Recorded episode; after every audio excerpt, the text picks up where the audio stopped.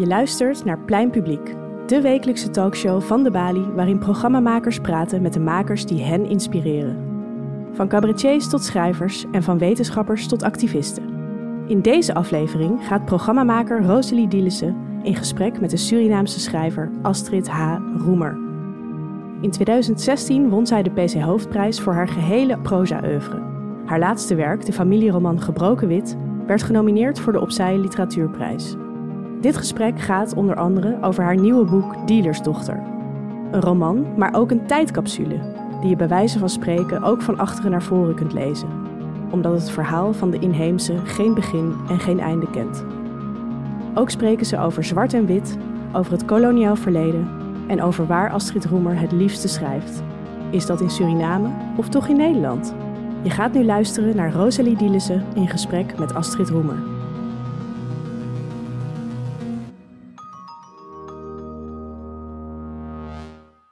Welkom allemaal. Ik ben Rosalie Dielissen en vandaag gaan we in gesprek met Astrid H. Roemer. Bedankt dat u er bent. Voordat we gaan beginnen wil ik een uh, hele korte introductie geven. Want u staat bekend om uw uh, literaire werken die zich bezighouden met thema's zoals identiteit, gender, ras, de erfenis van het kolonialisme. En uw bekendste werken zijn natuurlijk over de gekte van een vrouw. Uw trilogie Gewaagd Leven, Lijken op Liefde, Was getekend en gebroken wit. In 2016 kreeg u de PC Hoofdprijs toegekend. En voor uw hele oeuvre de prijs de Nederlandse letter in 2021. En vandaag gaan we het hebben over uw nieuwste boek Dealersdochter. Bedankt dat u er bent, Astrid. Ik ben er graag. Wij uh, gaan het vandaag hebben over uw boek. Waar gaat het verhaal over? Waar gaat het verhaal over? Meestal, Roos, beantwoord ik een dergelijke vraag niet. Omdat ik bang ben dat als iemand dan het boek gaat lezen, dat die persoon gaat zoeken naar wat ik vertel, ja. waar het verhaal over gaat. Snap ik. Snap je? En het is eigenaardig gestructureerd. Het zijn uh, vijf uh, stemmen, zegt men dan in de literatuur. En eigenlijk, daar wil ik wel iets over zeggen. Mm -hmm. Eigenlijk is het zo dat er is iets gebeurd, iets ergs gebeurd. De mensen die er het meest last van hebben gehad, die kunnen de vraag stellen, of ik stel de vraag aan die karakters: wat is er van overgebleven? Wat is bezonken in jou? En kun je dat articuleren? Ja. En eigenlijk zijn die vijf stemmen die articuleren iets wat 23 jaar eerder is gebeurd. En dat iets wat ze articuleren, uh, waarvan ze niet weten van elkaar wat er is blijven hangen, dat iets vormt samen de roman. Oké, wat als we niet te veel gaan spoilen, zal ik zeggen, is er ook iemand dus overleden. Iemand is vermoord in een Nederlandse stad en het lijk is weggemaakt. En twee jonge vaders voelen zich betrokken vanwege hun relatie met drugs. En dat is dan de, het kernverhaal, denk ik, toch? Voor nu. Laten we zeggen, dat is de gebeurtenis waaraan ik refereerde zo net Precies. toen ik zei, er is iets ernstigs gebeurd. En de mensen die, die daar het meeste last van hebben, bij die mensen ga ik kijken, wat is er bezonken na 23 jaar? Wat, wat zit daarvan nog in je? We gaan het hebben over die personages later. Maar waar ik vooral heel benieuwd naar ben, is waarom bent u dit boek gaan schrijven? Ik ben een thema begonnen op een gegeven moment, gebroken wit. Um, ik heb tegen mijn uh, uitgever gezegd dat ik uh, iets ga doen met het thema gebroken wit. Hij heeft mij niet gevraagd, wat bedoel je ermee, mevrouw Roemer of Astrid? hij, hij, was bezig weg te gaan, hij stond op vertrek. En ik zei, en het gaan drie boeken worden. ik dacht, dan weet je dat vast. maar hij heeft geen enkele vraag gesteld. Maar het thema gebroken wit heeft te maken met een ouder thema. Want intussen ben ik natuurlijk 50 jaar verder met schrijven. En 50 jaar geleden, toen was het thema zwart, zwart aan de orde. Niet zwart, maar black. En ik heb gemerkt dat uh, jonge mensen, en bijna iedereen in Nederland, op een gegeven moment is afgedwaald van wat dat politieke ding dat wij toen aan de orde stelden van black en white, dat het een huidskleuraanduiding is geworden, terwijl dat absoluut niet de bedoeling was. De bedoeling was, het was zo roerig in Amerika, in de Verenigde Staten, En ik, ik dacht wij, met Afro-Surinaamse uh, roots, probeerden onze solidariteit uit te drukken uh, met betrekking tot wat er in Amerika gaande was. Er waren van die rellen, demonstraties, er was iemand vermoord enzovoort. En dat gevoel van solidariteit moest een plek vinden voor mij in het Nederlandstalige gebied. En dat is moeilijk. Want wat doe je met termen als black is beautiful en black power en meer van dat soort leuzen die een groot en diep gevoel oproepen bij Amerikanen. Maar dit is een ander taalgebied. Dus ik wilde black genoemd worden en mijn Nederlandse vrienden zeiden geen denken aan, want uh, wij duiden niet naar huidskleur, we duiden naar land van herkomst. Dus je bent Surinaams of je bent Turks, Marokkaans, Limburg, Burgs of Drents. Maar we doen geen huidskleur. Nee, maar het gaat niet over huidskleur. Maar het konden ze zich niet voorstellen. Maar ze wilden ook niet. Toen gleed het begrip black en white gleed naar zwart en wit. Dus we hadden opeens witte mensen en zwarte mensen. Maar omdat we witte en zwarte mensen hadden, raakte het begrip, het politieke, dus de, de inhoud van het politieke ding, raakte weg. En het werd witte mensen, dat ben jij, en zwarte mensen, dat ben ik. Ja. Dus het werd een, een soort huidkleuraanduiding die tot in de Tweede Kamer nog uitgevochten wordt. Want dan zeggen Kamerleden: hé hey, luister, noem me niet wit, ik ben geen witte man hoor. en dan houdt hij een papiertje bij zich en zegt: kijk maar, ik ben toch niet wit. Dus het bedroefde mij wel dat ik zag dat er iets gebeurde met die twee begrippen wat niet goed was. Oké, nu vond ik met gebroken wit, dus 40, 50 jaar later, dat het tijd was om gewoon hier iets mee te doen. En wat kon ik ermee doen? Door te kijken wat is er in de afgelopen 40 jaar gebeurd, bijvoorbeeld in Amerika en de Verenigde Staten, mhm. waar die notie vandaan kwam. En ja, daar is veel gebeurd. Ze hebben zelfs Obama gehad. Dus Obama als um, man met roots in Afrika schrijft daar als president geschiedenis. Dus er is veel veranderd. Wat is in Nederland gebeurd? In Nederland is de discussie, want de discussie rondom Zwart-Wit ging heel erg zijn speerpunt vinden in hoe denk je over Zwarte Piet. Want als je een bepaalde houding hebt met betrekking tot Zwarte Piet, dan snap ik jouw politieke stellingname ook. dus het werd een soort breekpunt. En ik kon zeggen, ja, na 40 jaar weten eigenlijk alle Nederlanders, dus ook autochtone Nederlanders, maar ook de mensen in Suriname, die weten dat er een kwestie is rond Zwarte Piet, waarin ze mogen kiezen. Wil ik wel, wil ik niet, wil ik het een beetje, wil ik zo, wil ik... Maar ze denken er in elk geval over na. Mhm. Dus daar komt deze hele kwestie vandaan, waardoor ik heb gezegd, afgelopen met die begrippen black en white wat mij betreft. Ik breek met, dus daarom heet het ook gebroken wit, ik breek met dat begrip wit. En ik heb wit gepakt niet, want ik had kunnen zeggen gebroken zwart, maar zwart was underdog, dus moeilijk om te breken. Wit had de power van, van prioriteiten en zo. Dus ik heb gezegd van laten we gebroken wit, uh, ik noem het thema gebroken wit. Dus voortaan zijn alle mensen voor mij weer gewoon geworden wat het oorspronkelijk was. En dat is dat mensen worden geduid naar waar ze vandaan komen, bijvoorbeeld. Of zoals uh, de biologen tegenwoordig zeggen: luister, we zijn allemaal roodhuiden. En mensen die een beetje meer pigment hebben, die gaan naar bruin of donkerbruin. Maar ze allemaal zijn ze een tint van rood. En het is een veilig gevoel om te weten dat we allemaal tinten rood zijn. Ja. Dan kunnen we elkaar in elk geval wat dat betreft niet meer uitschelden, toch? Ja, zeker. Dus het is, is, heel lang, maar zo ben ik bij Gebroken Wit gekomen. En bij Dieles dochter? Juist, Dieles dochter moest ik schrijven, want Gebroken Wit is begonnen met die familie die zo al die verschillende tinten heeft. hè? Mhm. Die, die, die moeder is uh, zo getint en vader zo getint. En Suriname, waar het boek zich afspeelt, heeft een hiërarchie door het kolonialisme van een, soort kleurenhiërarchie. Oké? Mhm. Nog steeds. Het is grappig als iemand me komt uitleggen, die en die is getrouwd met bijvoorbeeld met Jan. Maar dan gaat het gesprek meteen door. Ik heb nog eens een vraag gesteld. Jan is een beetje roodachtig bruin, zo weet je wel. Dat is altijd een huidkleur aanduiding. Want dan vraag ik ook, waarom zeg je me dat dan? nou, waarom wordt mij dat gezegd? Om mij te zeggen wat in Nederland misschien Juzanse is. Carmen gaat trouwen met Jan. En Jan heeft een baan bij de SO of zo. Het is Ja. om iemand te plaatsen. Om iemand status te geven. Dus in Suriname gebruiken ze huidkleurduidingen. En hier worden andere duidingen gebruikt. Dat is zo interessant. Dus we hebben een gebroken wet gehad met die familie.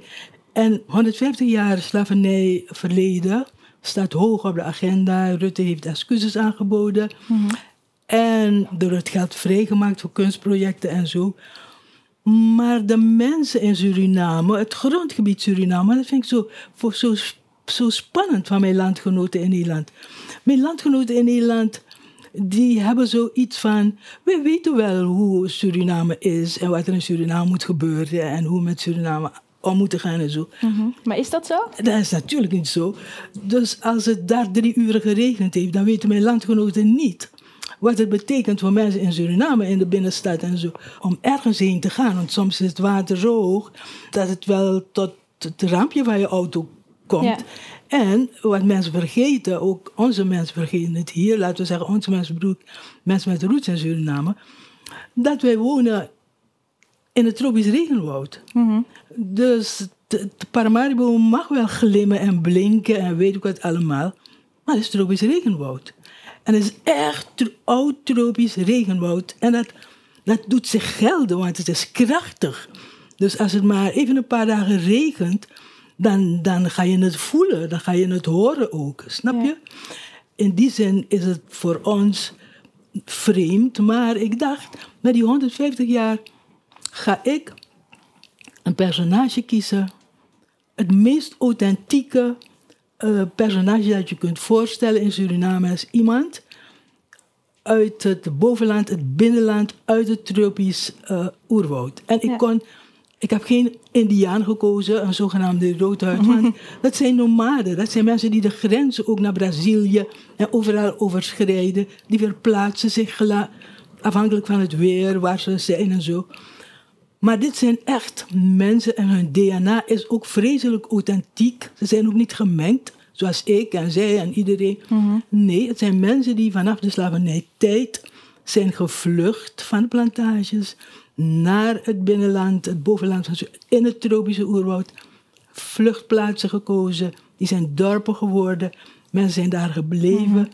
En daar heb ik iemand uitgenomen. En, En het dat is Brandon, als dat het is goed toch? Ja. Dus dat is het meest authentieke wat ik heb kunnen kiezen als personage. En hoe was dat om zo'n authentiek personage te schrijven terwijl u in Suriname woonde? Als ik niet in Suriname, mijn moeder is eh, tweeënhalf jaar geleden, naar mijn gevoel, onverwacht overleden. Ook al was ze 95.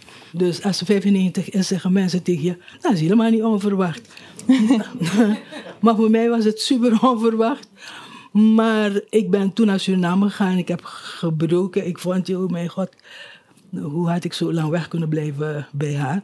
Ja. En ik wilde dus in Suriname zijn, bij familie en bij het graf en alles en zo. En ik ben blijven plakken daar, zeggen ze in België. en ik was daar en ik onderging wat ze mij wel eens vertelde. Zo van, ik ben drie dagen niet weggegaan, want er ligt overal water. Het heeft geregend, er alles staat blank en zo. En als ik niet in Suriname was gezonken, als ik niet bezonken was in Suriname, ehm, het, het, het, het, heeft iets van, van wat eh, Jeroen Brouwers beschrijft in Bezonken Rood. Als ik niet mij had geprojecteerd in hoe heeft mama hier geleefd, want in, in het centrum van Paramaribo aan de rand, alle haar kinderen wonen in Noord, dicht bij de rivier. Eh, en zij is hier. En ze zei wel eens, ik, ik, ik- ja, ik heb ze drie dagen of vier dagen niet gezien, of een week niet gezien en zo. En nu voel ik en begrijp ik het, maar ik begrijp ook de mensen, hoe de, de stadsbevolking, hoe de samenstelling is veranderd. Dus als ik iets eh, online bestel en eh, de levensmiddelen worden geleverd, dan staat daar een jonge man die ik vroeger alleen maar zag in een context van Maron. Dus vroeger zei men- men de weggelopen slaven. En nu staat hij daar en hij heeft een bedrijf en hij levert eh, producten en zo. En hij staat voor me. In het begin moest ik glimlachen en alle stereotypen bonkten door mijn hoofd. Dus het eerste stereotype was, ik wil hem vragen, waar kom je vandaan? En dat is zo onbeschoft, hoezo dan? Waar hij vandaan komt. Hij is toch in Suriname? Net als ik. Uh, maar dan had hij kunnen zeggen, en waar kom jij vandaan? Heeft u dat ook gedaan of niet? Nee, nee, nee. Dat, dus ik ben zo blij dat ik reageer nooit impulsief als ik stereotype rea reacties krijg over etnische groepen of seksen of, of of mensen dik zijn of mager of mooi of weet ik veel wat. Dat ik altijd mijn impulsen voor me hou. Maar daarom is um, deze is, is, is Brandon ook ontstaan in Ja. een situatie die niet zou gelden was ik in Gent gebleven om te schrijven. Nee. Nee. En ehm, Hij is ook het laatste personage dat ik heb geschreven. Hè? ja, dat zei je inderdaad. ja. Even voor de Ja, mensen die het niet hebben gelezen, misschien fijn om te weten. Brandon is weggegaan uit Suriname en is naar Nederland gegaan. Ja. En eh, is daar een heel nieuw leven gestart. Eloé en Aqua zijn de kinderen van de generatie daarvoor, zeg maar. Ja, het is eh, misschien even goed, goed om te zeggen. Een Surinaamse vrouw die voorkomt in gebroken bed, krijgt een relatie met een Nederlandse man. Heel onverwacht, want ze gaat iets brengen naar een Joodse familie. En het is, is beroerd weer, is in de herfst. En ze kan in een dure buurt en ze kan, het, ze, kan er niet bij. Je weet, eh, dure huizen, mensen zitten helemaal achterin en zo. En ze ziet een tennisbaan en ze, ze gaat naar die tennisplek toe en de bar is daar, eh, staat open. En ze gaat daar eh, zitten en denkt misschien kan iemand me helpen om te zeggen hoe de familie en zo. En dan komt die Boris, komt die man. En die man ziet er en hij vindt een aantrekkelijke vrouw. Hij ko- Hij komt een beetje ze voelt zich aangetrokken tot hem op een of andere manier. Maar eh, oké, dan het boek eindigt, het ene boek, eerste deel eindigt met het feit dat ze iets krijgen met elkaar. Het wordt meer dan iets krijgen. Hij, hij blijkt van haar te houden. En heeft zelf een Russische achtergrond ook. Hij blijkt van haar te houden. Het is, het is een heel knappe man, want die daar eh, van een bepaalde familie. Die familie is niet, eh, is niet zo, zoals ze zelf zeggen, wij zijn niet rijk, we hebben geluk gehad. Hun pa heeft een keer ontzettend veel geld gehad van de euro-loterij en Ja. dat heeft hij goed geïnvesteerd. Dus daar wijst hij zijn kinderen steeds op van, moet je horen, we, we hebben geen oud geld en zo. We hebben geluk gehad. En dan krijgen ze dus iets en in- in dit boek hebben ze een kind en dan wordt ze vermoord. Ze wordt vermoord terwijl ze van ehm, hun moeder komen en zijn thuis en dan Haley wordt vermoord. Haley wordt vermoord. Hij wordt, ze, ze, ze, ze snappen niet wat er aan de hand is. Maar, maar Boris werkt eigenlijk voor de geheime dienst. En Boris, die sportarts is in de gevangenis, die heeft meegeholpen dat iets is um, opengerukt. En mensen zijn daarin ook vermoord. Dat is die kant ervan. En die jongen, Brandon, ik hoop dat jullie mij kunnen volgen. Brandon in elk geval.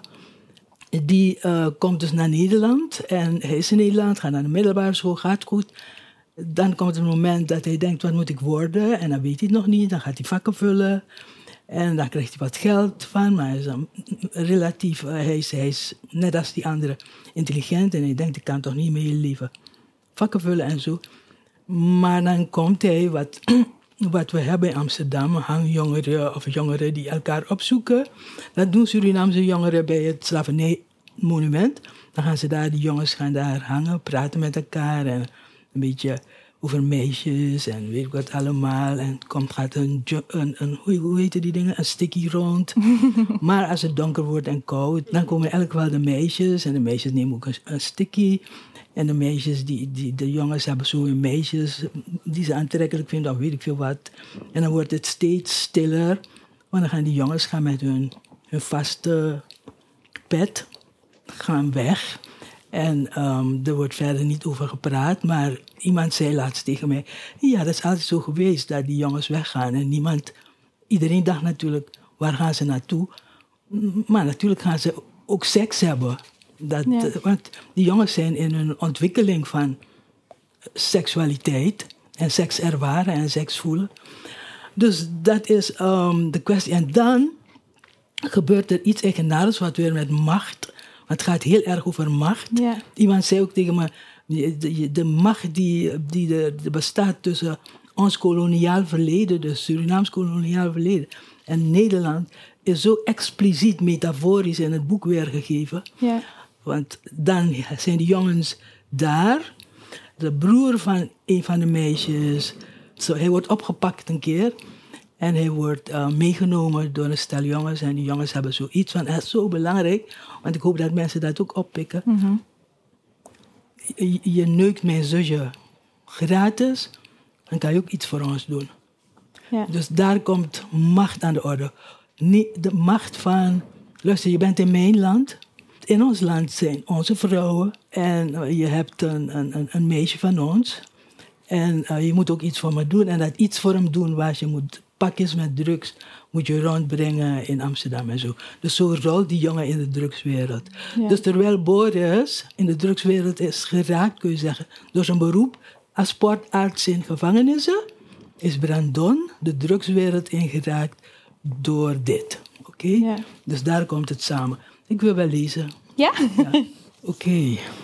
Toen hij bij de supermarkt zo die vakken vulde, wilde hij, uh, vulde, wilde hij een fiets kopen. En, maar zijn Maron-familie, die hebben ook hun standaards. En die hebben zoiets van, luister, we willen geen enkele Maron hier in Amsterdam op de fiets. Als een Maron vervoer krijgt, dan is het een auto. Geen fiets, oké? Dus hij wilde een fiets en ze zeiden nee, je gaat geen fiets kopen. Maar hij hield de fiets, toch? En daarmee is ook het verlangen naar meisjesvlees in hem sterker geworden dan het gemak van slaperig met neef King en oom Abiba staren naar een groot beeldscherm waar nog een Nollywood-film voorbij schoof met glanzende zwarte meiden en vrouwen. Ook al vergat hij dan voor een paar uur wie hij was en daarna ook meteen wat hij allemaal te zien had gekregen, hij haatte het scherm omdat hij de beeldenovervloed niet begreep.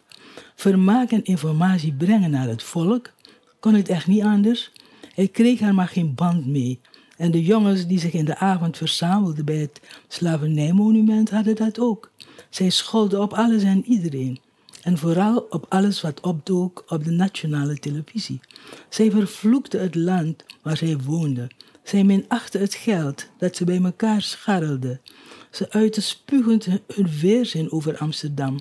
Zij beledigden zelfs de meisjes met wie zij tegen middernacht verdwenen tussen de flats om te doen wat troost bracht.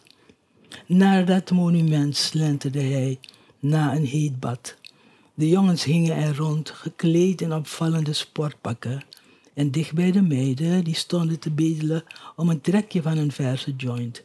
Er werd een beetje gezopen, een beetje marijuana gerookt. En als het gesprek wat stil was gevallen, schoven de meisjes dichterbij. Hij hoefde helemaal niks te doen om zo mee tegen zijn voorlijf aangedrukt te krijgen en te wachten tot ze met de gleuf van haar achterwerk had gevonden wat ze zocht.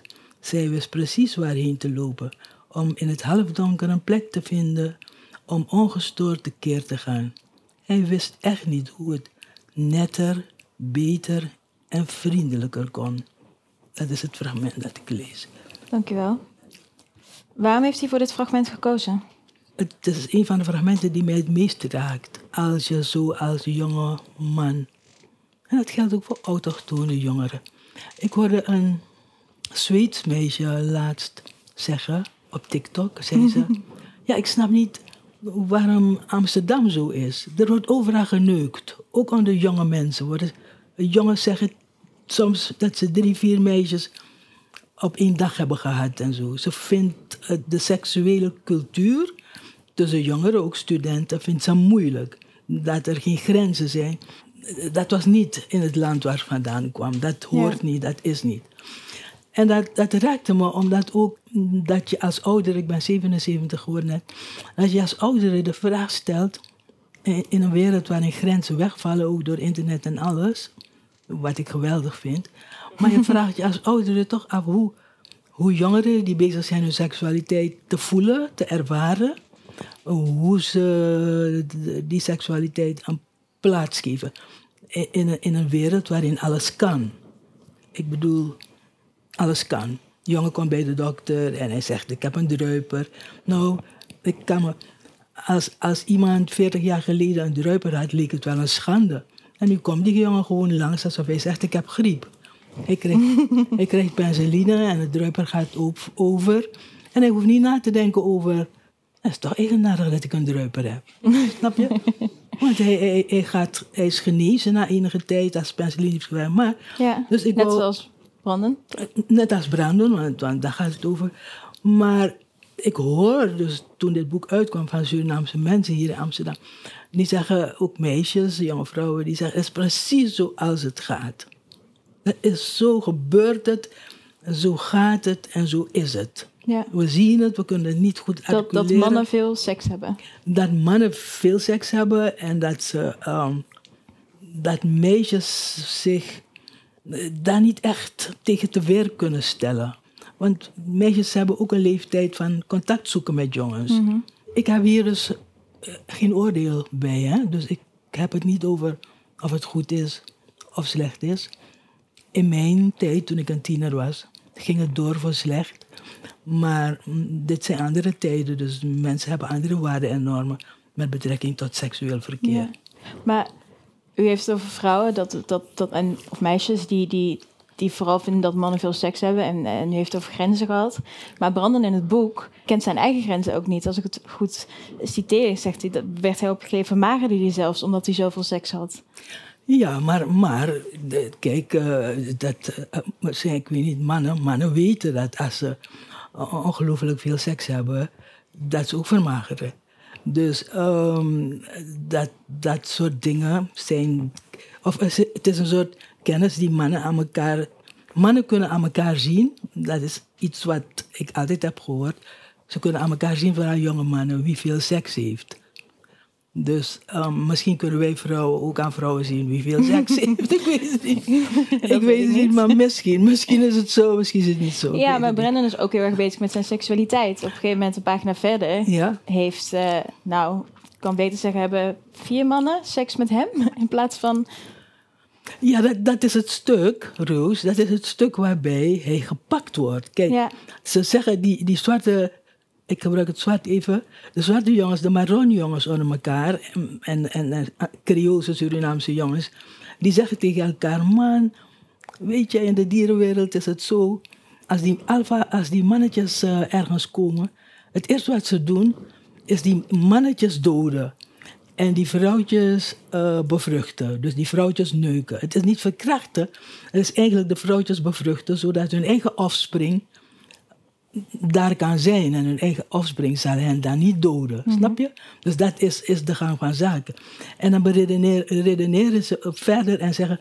Ja, daarom is het zo moeilijk om een Hollandse meid te krijgen. Weet je wel? Want ze wordt ja, je moet voorzichtig zijn. Want niet alleen de familie beschermt er, de politie beschermt er ook.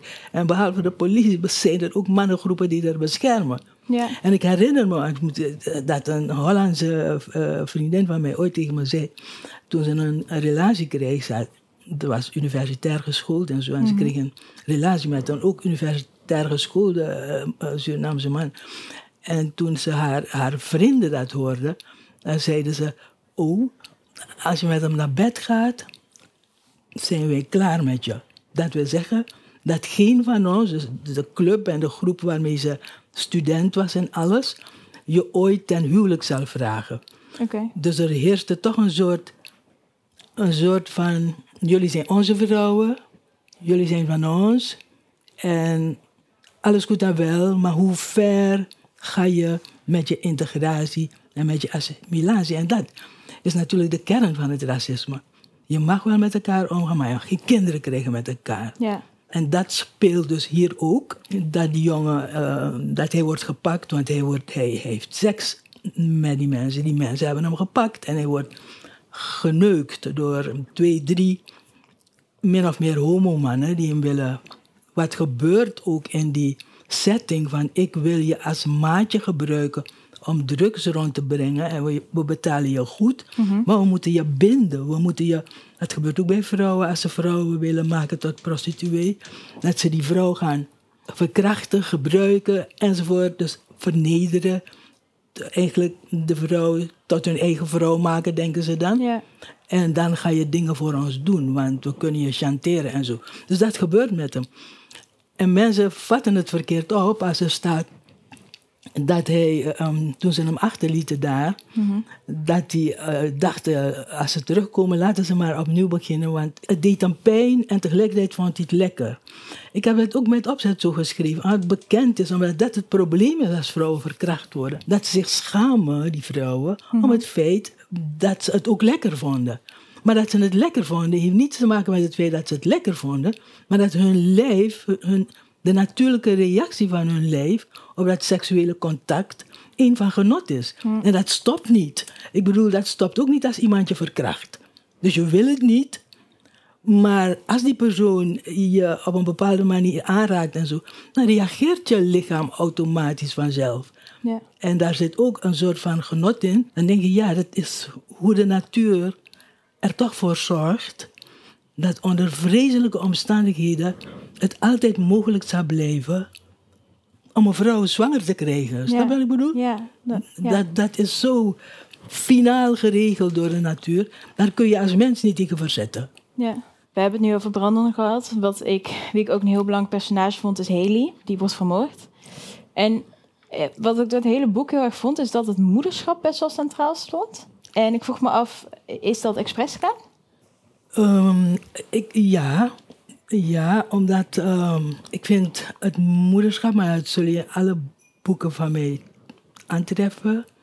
Ik vind het, het moederschap eigenlijk een van de ontroerendste en, en uh, mogelijkheden, potenties die je als vrouw krijgt, meekrijgt. Mm -hmm. Ik vind dat ik nooit een boek kan schrijven dat niet, dat niet deze um, waardevolle omstandigheid aan de orde stelt op verschillende manieren. Ja. Want ik vind dat, dat zei ik al 20, 30, 40 jaar geleden, dat te weinig expliciet gebeurt. En dat meisjes en vrouwen te weinig diep nadenken over dat vermogen, want ik noem het een vermogen. Mm -hmm. En wat het betekent ook, dus afgezien van dat het een vermogen is, en een vermogen kan je rijk maken. Mm -hmm. Maar wat het betekent voor een vrouw om moeder te zijn. En eergisteren zat ik met een paar jonge meiden, zo van onder de dertig, te praten. En het zijn allemaal toptalenten. En dan hadden ze het plotseling goed uh, iets te binnen uh, in het gesprek van, nou, als ik een kind ga nemen. En ik zei, maar jij, wanneer ga je een kind nemen? Wil je een kind nemen? Ja, ik wil wel een kind nemen, zei ze. Ik zei, weet je, ik heb mijn hele leven gedacht, ik, ben, ik hou van kinderen en mm -hmm. ik, ik ben kinderen lief en alles en ik zie ze graag woorden en vooral hun taalontwikkeling en zo. Maar er waren zeven dingen die in orde moesten zijn. Voordat ik mijzelf toestemming zou geven om een kind te nemen. Want het is een heel mens. Dat is niet je malligheid om een kind in de wereld te zetten en, en, en, en, en, dingen te garanderen zodat het wordt hm. wat het moet worden enzovoort. En wat waren die zeven dingen? nou, ze konden ook een beetje invullen. Eén was dat je een goed huis moet hebben. Mm-hmm. Dat je weet dat je niet uit het huis gezet, dat je een goede baan moet hebben. Dat je niet uit je baan makkelijk geschopt kan worden. Dat je een vaste partner hebt. Dat, het is beter als je een partner hebt die met je dat kind doet. Op een of andere manier. Yeah. Dus dat soort dingen. En ook dat, hoe je familiekring is. Wie als je wegvalt, zijn er mensen die het kind kunnen opvangen. Allerlei dingen waar je over na moet denken. Yeah. Hoe gezond is je Hoe gezond ben jij? Uh, waar wil je over vijf jaar, tien jaar staan? En ik heb nog nooit een moeder ontmoet, ook in Suriname niet, maar ook in Nederland niet, in mijn omgeving, die deze dingen overweging heeft genomen. Dus die persoon komt en, en zegt, ik ben zwanger en bijvoorbeeld we gaan trouwen. En ik met dit, dit inzicht van mij, want mhm. ik heb een moeder die verschrikkelijk aanwezig was en die echt alles heeft gedaan om ons een behoorlijk leven te geven. Maar ik zou dat nooit kunnen opbrengen. Dus nee? never nooit. Ik zou het niet kunnen. Dus ze zeggen, ja, je zou het kunnen als je zwanger bent. Dan gaan hormonen werken en die zorgen dat je alles aan kan. Kan zo zijn. Moet zo zijn. Want anders kan ik me niet voorstellen dat moeders kunnen doen wat moeders doen. Ja. Dus in mijn boeken zul je altijd verwijzingen hebben eh, hiernaar. Maar ik vind naar moederschap. naar moeder. En ik, want ik vind ook meisjes, jullie. Ik vind om in mijn omgeving, meisjes zijn zo brutaal tegen hun moeder vooral. Ze hebben altijd een, een, ding met hun moeder. Bijna alle vrouwen die je ken hebben een ding met hun moeder. En ik denk, wat, wat voor ding heb je met je moeder? Weet je wel? Wat is dat nou? Dus uh, ja, daarom. Het moederschap maar, maar stond uw moeder nu centraler tijdens het boek? Voor, voor u, omdat u, zij er natuurlijk niet meer was toen u dit schreef? Alle boeken van mij zijn moeders doodgegaan. En ik ben geschrokken toen ik uh, tot die conclusie kwam van... ja, ik hou zoveel van moeders, maar waarom laat ik al die moeders doodgaan? ik heb in geen enkel boek van mij gehad dat een man eigenlijk doet. En toen, nu mijn moeder overleden is, begrijp ik dat ik het deed... om te wennen aan het idee dat ze er niet meer zou zijn. En dat ik als kind was ik verschrikkelijk gehecht aan haar en kon eigenlijk niet zonder haar. Ook op vakantie wilde ik mee. Ik wilde altijd dicht bij haar blijven. Ik hield veel van haar. Mhm. En ze was zo lief. Ik bedoel, het is ook een normaal gevoel als je moeder lief is en zorgzaam. Dan ben je ook geneigd bij die persoon te willen blijven, toch? Ja, zeker. Oké, maar nu blijkt dus in dit boek... laat ik ook die vrouw sterven... die lijkt op mij. Ja. Dus ik vermoed dat ik, en dat ben ik, ik ben een paar, al twee, drie jaar zo sinds mijn moeder niet meer leeft ook, bezig met, wacht even Astrid, je bent nu 77. Je hebt misschien nog 10, 12, 15 jaar te gaan. Nou, dat is zo hoor, zo gebeurt.